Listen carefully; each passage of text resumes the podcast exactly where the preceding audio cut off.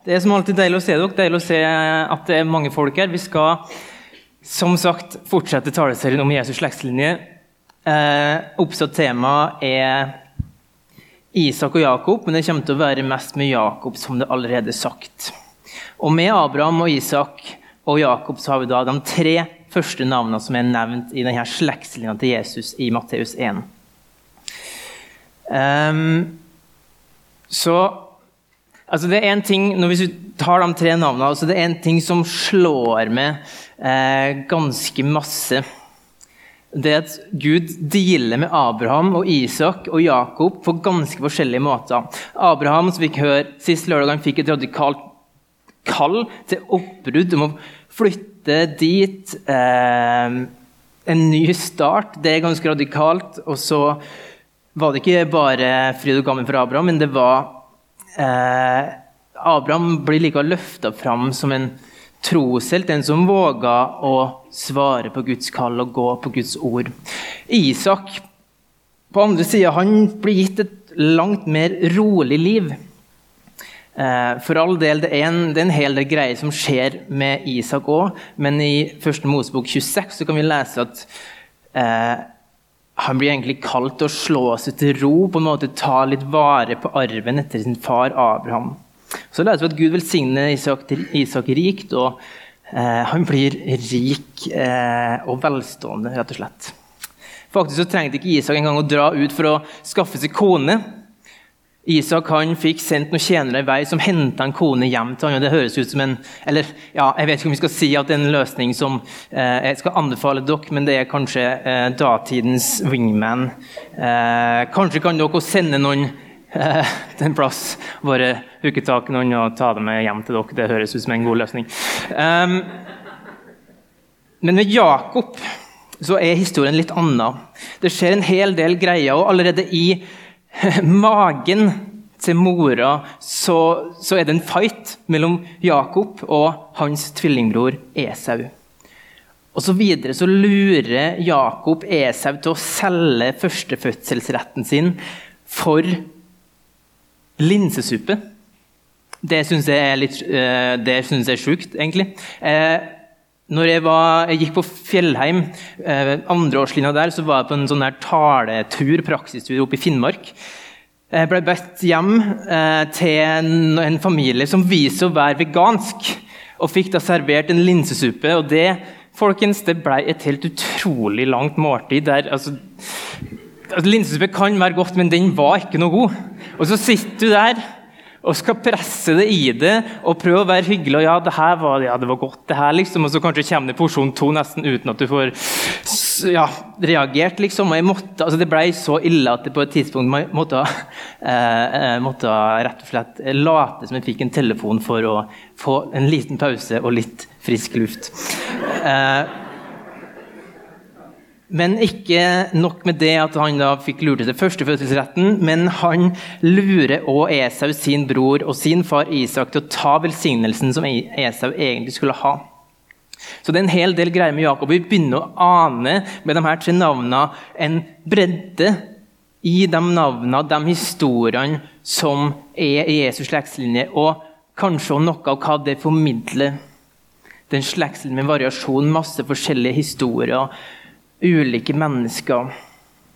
som formidler noe om bredden når Jesus kommer og blir beskrevet som Gud med oss. Hvem som kan bli regna med der? Jo, det er alle. Jesu nåde, Jesu armer, som favner om alle. Og da inkludert Jakob, som faktisk da ikke har så veldig masse å være stolt av Eh, I hvert fall valg han tok ganske tidlig i livet. Um, Esau han blir jo mildt sagt ganske sur på sin bror Jakob når det her skjer. Uh, så uh, foreldrene til Jakob de sender han til Laban. Ja, det her er en seig mann. Det her fikk jeg beskjed av Odd Martin om å gjøre. Så hvis dere syns det var teit, så kan dere ta det med han. Hvis dere syns det var gøy, så kan jeg ta credsen for det. Men i hvert fall Laban, det onkel til Jakob, og han var om mulig en enda større luring enn Jakob. Fordi Jakob han, eh, altså Laban har to døtre. Rakel blir beskrevet som vakker. Lea blir beskrevet nokså eh, ja, Hun blir beskrevet med matte øyne. Eh, litt ubarmhjertig. Men i hvert fall, Jakob begynner å jobbe der for å fortjene seg kone, og så tror han han skal gifte seg med Rakel, som blir beskrevet som vakker, men han blir lurt og får Lea. Jobber sju-ni år, får Rakel. Jobber seks år som gjeter. Så han er 20 år hos Laban, han er luringen som og begynner å lure han med ulike, ja, med lønna osv. Veldig veldig kort fortalt så ender det med at Jakob flykter fra Laban fordi Gud viser seg for ham og sier Jakob, nå kan du dra hjem, fordi jeg skal vise deg godhet. Jeg skal vise godhet når du drar hjem. Um, så blir det en liten jakt der mellom Laban og Jakob som vi ikke skal gå inn på. Uh, men når Jakob begynner å nærme seg der han kommer ifra Han blir liksom, ja, straks klar til å møte Esau, han er broren som han hadde lurt to ganger, som for 20 år siden ville drepe han. Så sitter Jakob der og lurer på hva skjer hva skjer nå. Jakob er nervøs, han vet ikke hva han kan forvente. Så sender Jakob budbærere i forveien for å sjekke forholdene. Og Beskjeden tilbake det er det at Esau han kommer mot Jakob med 400 mann. Og Da står det i første Mosebok 32, 7. Da ble Jakob grepet av redsel og angst så ber Jakob videre en bønn. Du min far Abrahams Gud, du min far Isaks Gud. Herre, du som sa til meg, vend tilbake til landet ditt og slekten din, så skal jeg vise deg godhet. Jeg er ikke verdig all den miskunn og troskap som du har vist din tjener. Berg meg fra min bror Esaus hånd. Jeg er redd for ham.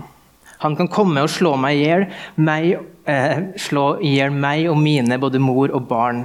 Men du sa at du ville vise godhet mot meg og la min ett bli som havets sand, som ingen kan telle. Jakob er redd. Han har fått noen løfter fra Gud, men han vet ikke om de er til å stole på. Han er lova godhet, men han frykter ondskap. Og Den samme natta så må Jakob kjempe en kamp. Det står Jakob var alene tilbake. Og En mann kjempa med han helt til det grydde av dag. Da mannen så at han ikke kunne vinne over han, så ga han Jakob et slag over hofteskåla, så hofta gikk ut av ledd mens de kjempa. Og han sa, 'Slipp meg før, eh, for morgenen gryr'. Men Jakob svarte, 'Jeg slipper det ikke uten at du velsigner meg'. Hva heter du? spurte mannen. Jakob, svarte han. Da sa mannen, du skal ikke lenger hete Jakob, Israel skal være navnet ditt, for du har kjempa med Gud og mennesker og vunnet. Da ba Jakob, si meg navnet ditt. Han svarte, hvorfor spør du om navnet mitt? Og han velsigna ham der. En litt merkelig tekst. Det er, altså det er plutselig en mann tilsynelatende som bare dukker opp når Jakob er alene tilbake. Og så kan man ja, spørre seg hva som skjer, men det som skjer, det er at Jakob her kjemper en kamp med Gud. Jakob kjemper med Gud. Og hva er det egentlig vi ser her? Jeg blir personlig slått litt i magen av den teksten her. Når jeg tenker på Jakob, hans liv, alle svinger det tok, alle omveier.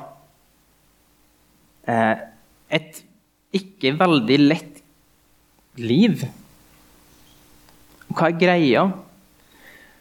Og man, eller jeg kunne på en måte gått inn i teksten og, og liksom eh, ja, gjort masse ut av det, men jeg skal ikke måte prøve å tolke all verden. Men det som jeg har lyst til å si noe om, og som jeg tror er en del av det vi ser i den teksten og i den kampen som Jakob kjemper med Gud, det er at Jakob jeg tror at han der kjenner på en veldig stor dissonans, om du vil, eller en spenning. En spenning mellom eh, Gud, altså den da han tror på, som han har fått løfte fra, på ene sida, og det han erfarer. Gud har sagt 'Gå dit, jeg skal være med deg, jeg skal vise godhet'. Han sitter der og er livredd. Gud har sagt 'jeg skal vise godhet', han står i fare for å bli drept.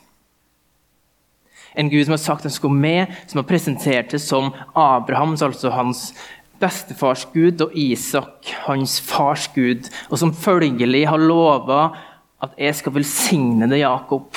Hvor var denne velsignelsen i den situasjonen?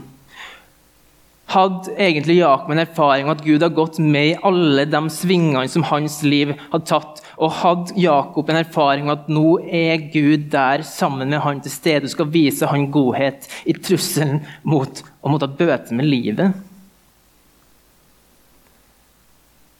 Jeg tror det er en stor spenning der for Jakob, og den spenninga er så smertefull at det blir en kamp mellom Jakob og Gud.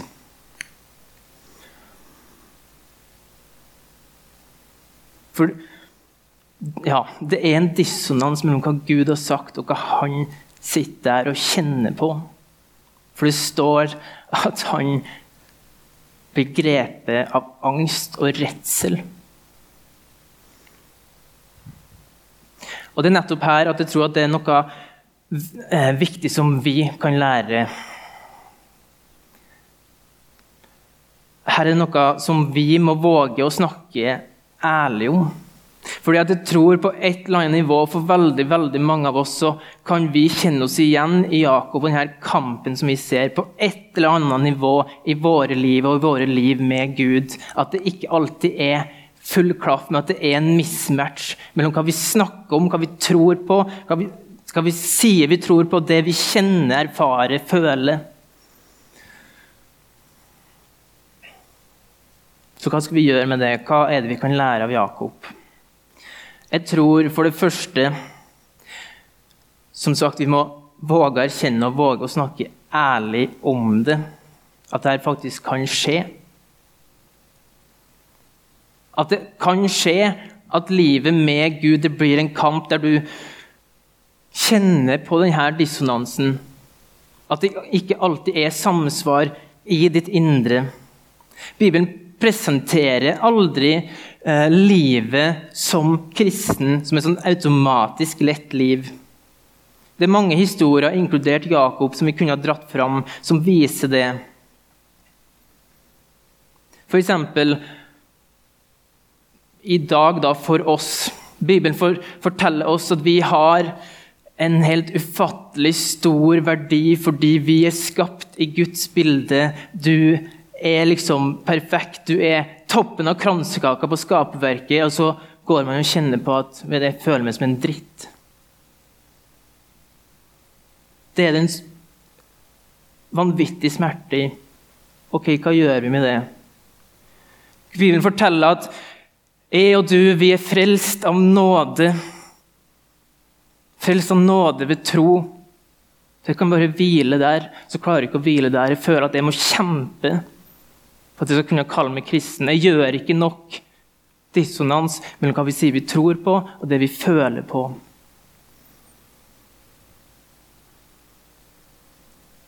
Det her lever i oss. Jeg tror veldig mange på et eller annet nivå jeg håper, eller jeg vet ikke om jeg håper det, men jeg er veldig sikker på at mange kjenner seg igjen. Og hva har det å si for oss, for oss som kirke? Jo, at vi må våge å snakke om det.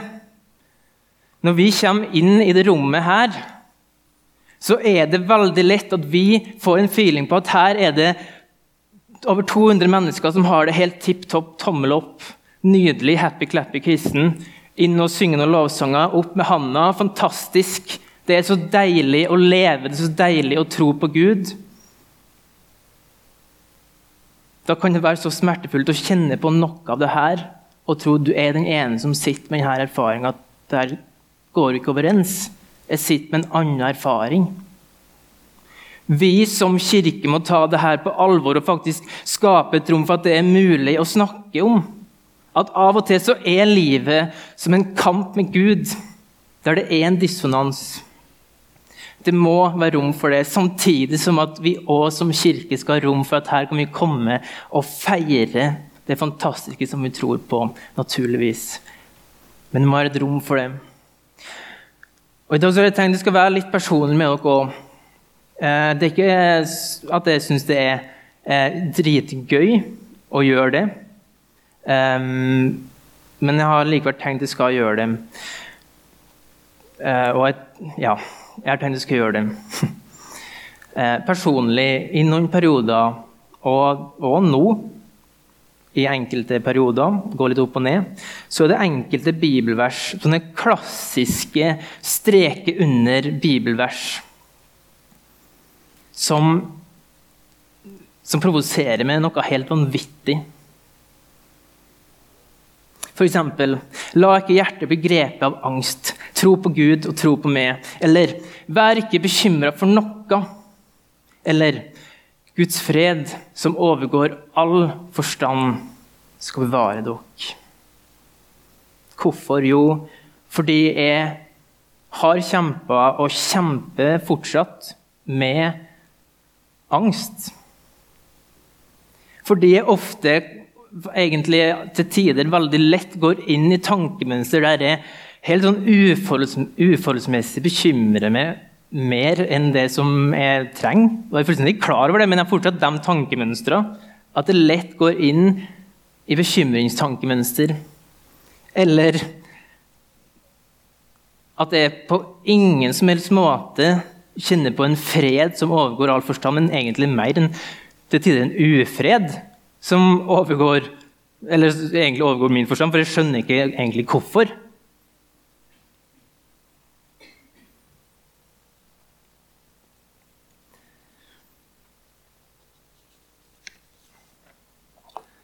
Og så vet jeg, når jeg sier det her bare sånn ut ifra statistikk, at mest sannsynlig så sitter og en del her som kjenner seg igjen av noe av det jeg sier nå. Og om dere ikke kjenner dere igjen i noe angst, urolighet, bekymringstanker, så kjenner dere kanskje igjen på at jo, men det er i hvert fall noen områder i kristenlivet der det er en mismatch, en dissonans mellom hva vi sier vi tror på, og det jeg føler, erfarer. Og da vil det være en kamp med Gud, for det bryter så sykt dypt i oss og får noen konsekvenser som kan være vanskelig å bære. Og Da blir det litt slått av den teksten som vi har lest. Jakob han sa mens han holdt seg fast. Jeg ser for meg at han klamrer seg fast til Gud, og så sier han 'Jeg slipper det ikke uten at du velsigner meg'. Det syns jeg er sterkt. Men så er òg greia at hvis vi ikke greier å skape et rom for å snakke om det her, så kan faktisk det, den setninga bli forandra til 'Jeg slipper det uten at du velsigner meg'. Fordi det bryter så ufattelig dypt hvis vi ikke greier å snakke om det her.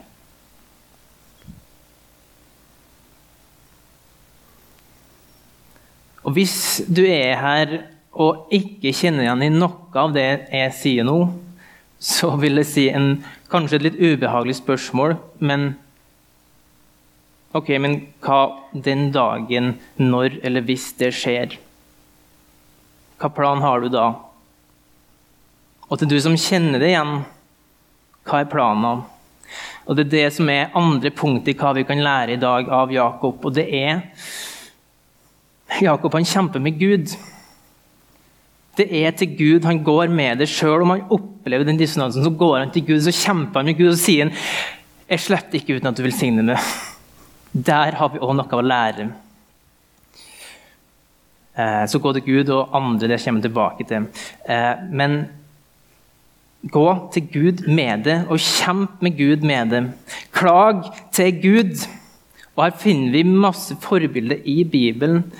Finner, altså I Bibelen så finner man folk som, som, klager sin nød, men som da likevel tilsynelatende har en sånn her grunnleggende tillit til Gud. Men man finner også folk som klager til Gud, og der det ser ut som det har gått så langt, den dissonansen har blitt så stor at det ser ut som tilliten egentlig nesten har forsvunnet. De vet ikke om de egentlig kan tro på Gud. Men fellesnevneren likevel er jo at de går til Gud med det. De går til Gud med det og kjemper med det. Og hva sier det oss om Gud? Jo, at vi har en Gud som er Ja, han er så stor at han tåler det sånt. Gud tåler det. Så gå dit. Gå dit, kjemp med han. Og kanskje der, i vår kamp med Gud, selv om vi opplever dissonans, en spenning, erfaringer som ikke tilsvarer det som vi sier vi tror på, så kanskje likevel så kjenner vi på en eller annen måte et gudsnevær som er sterkere enn noen gang. Fordi at vi der blir satt på en plass der vi blir tvinga til å klamre oss fast til å klamre oss fast, for vi har egentlig ikke noen annen vei å gå. Hva er det vi kan stole på hvis ikke vi kan stole på Gud og hans løfter? Blir satt ja, i den posisjonen. Personlig så er det noe av det kanskje gode da, som jeg kan stå og fortelle om etter de åra og det står i år. Altså, men, men, de åra jeg på en måte har lagt bak meg nå, så er det kanskje noe av det positive. at det, jeg ser at Altså, jeg, jeg, ser at jeg har måtte, Der jeg kanskje lett kunne tenkt at ja, men altså, jeg fikser jo livet, og det er Gud, det, liksom. Så har jeg egentlig blitt satt i en ganske sånn hjelpeløs situasjon der jeg plutselig føler meg mye mindre.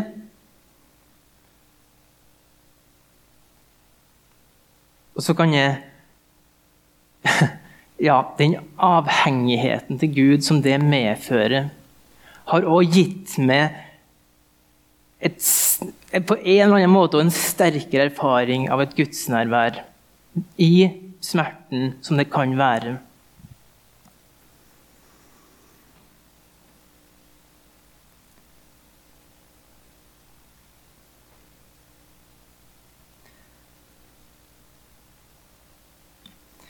Um, det er ja, jeg vet ikke om vi kan vektlegge det å søke og kjempe med Gud når det er sånn.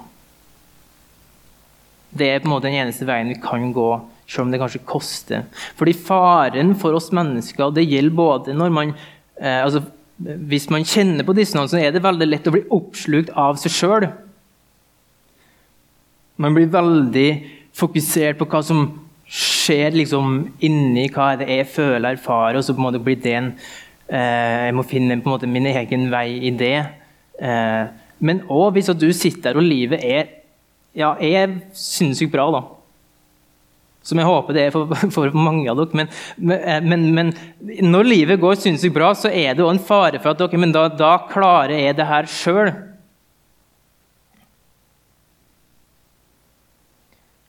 Det er noe noen erfaringer som skaper en, ja, et bevis for at shit, jeg er faktisk avhengig av Gud i det her.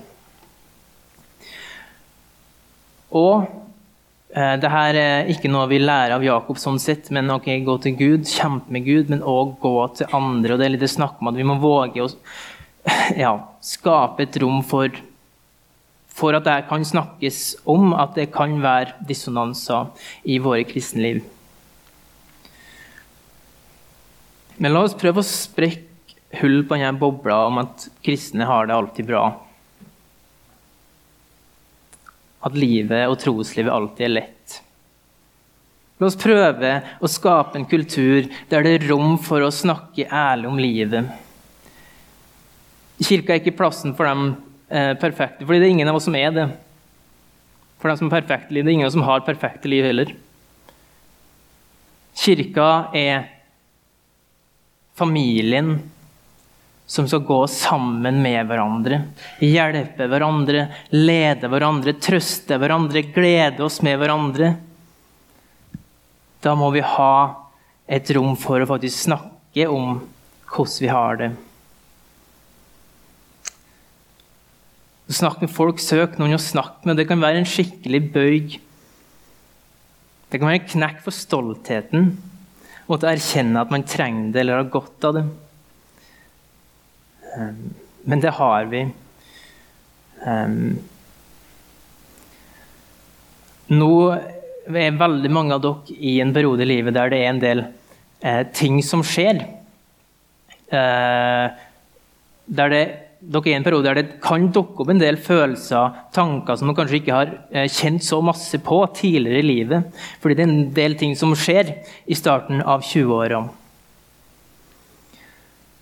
Um, og det her sier jeg i kjærlighet til dere og ut ifra de erfaringene jeg har gjort med i mitt liv. Men hvis dere kjenner på noen tanker og følelser som, som dere ikke helt klarer å sortere Det trenger ikke være store ting, men søk noen å snakke om det med fordi det er så ufattelig viktig å få hjelp til å sortere det. Og for min egen del så brukte jeg helt utrolig lang tid før jeg egentlig skjønte hva jeg følte på for en del år tilbake. Før at jeg begynte, altså godtok at det var det her jeg følte på. Jeg hadde lassevis med skam. Jeg skal ikke si at jeg er fri for det. Jeg syns det er veldig vanskelig å svare å si det her. Men når jeg brukte så lang tid på det, så gjorde jeg det ikke lettere for meg sjøl. Um, ehm, ja. Søk noen hvis at dere kjenner på sånne ting. Helt til slutt, eller vi skal begynne i hvert fall å bevege oss mot det. Vi kan få mange spørsmål i møte med det som er vondt og vanskelig i våre liv. I møte med en mismatch og dissonans. Og det har i hvert fall jeg. Hva er egentlig grunnen til at jeg har det slik? Hvorfor skjer det? Og så er de spørsmålene rom, det er rom for dem hos Gud. Um, og så må det være rom for oss, mellom oss her. Um, men hvorfor? Finner vi noen svar? Jeg har ikke funnet mye, ikke funnet mye svar, hvis jeg skal være ærlig med dere. Um, men kanskje jeg har et som kan hjelpe oss et stykke på veien, som er et sånn halvveis svar. For det er et svar på hva som ikke er grunnen. Uh, Timothy Keller han sier det at hvis vi ser til korset, så forteller korset oss hva grunnen for hva vår lidelse, grunnen for uh, hva vår lidelse ikke er. Korset forteller oss det. Det kan ikke være at Gud ikke elsker oss, eller at han ikke har en plan for oss. Når vi ser til korset, så skjønner vi at det er jo ikke fordi han ikke bryr seg. Når vi ser til korset, så ser vi at ok, men Gud han var jo villig til å ta all elendighet og all lidelse så seriøst at han var villig til å ta det på seg sjøl.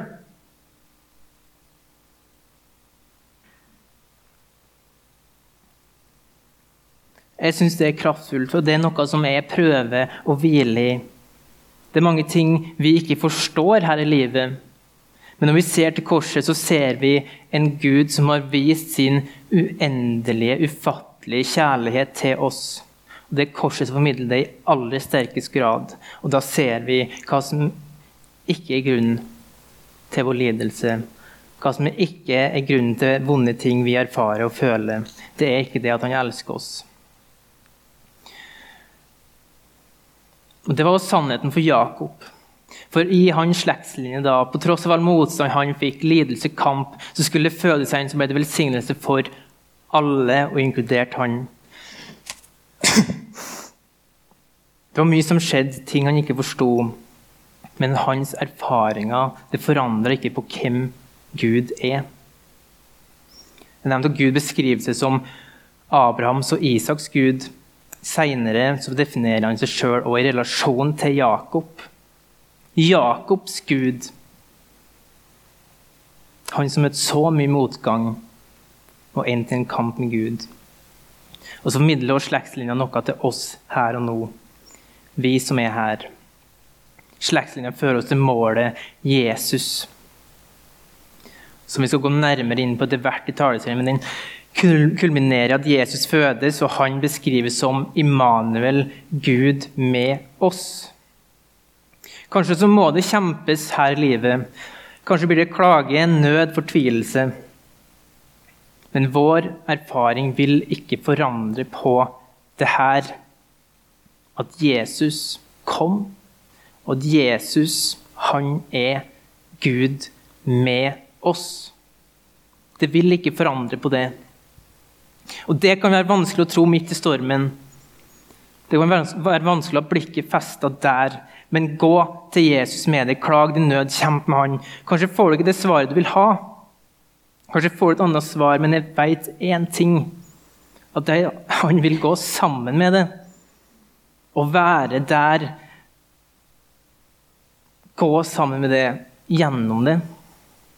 Fordi han er Gud med oss. Kanskje så skjønner vi det ikke nå, kanskje har vi erfaringer som tilsier noe annet. Men ja Kanskje så blir det ikke lettere på, den, på denne sida, om du vil. Kanskje så opplever vi ikke bedring. Kanskje så blir liv fylt med lidelse hele veien. Men en dag en dag, den dagen vi får stå ansikt til ansikt med Jesu ufattelige herlighet, kjærlighet. Da tror jeg vi skjønner det. At han gikk med. At han var oss. Og den dagen, om vi må oppleve en dissonans, mismatch, her, så er den borte den dagen.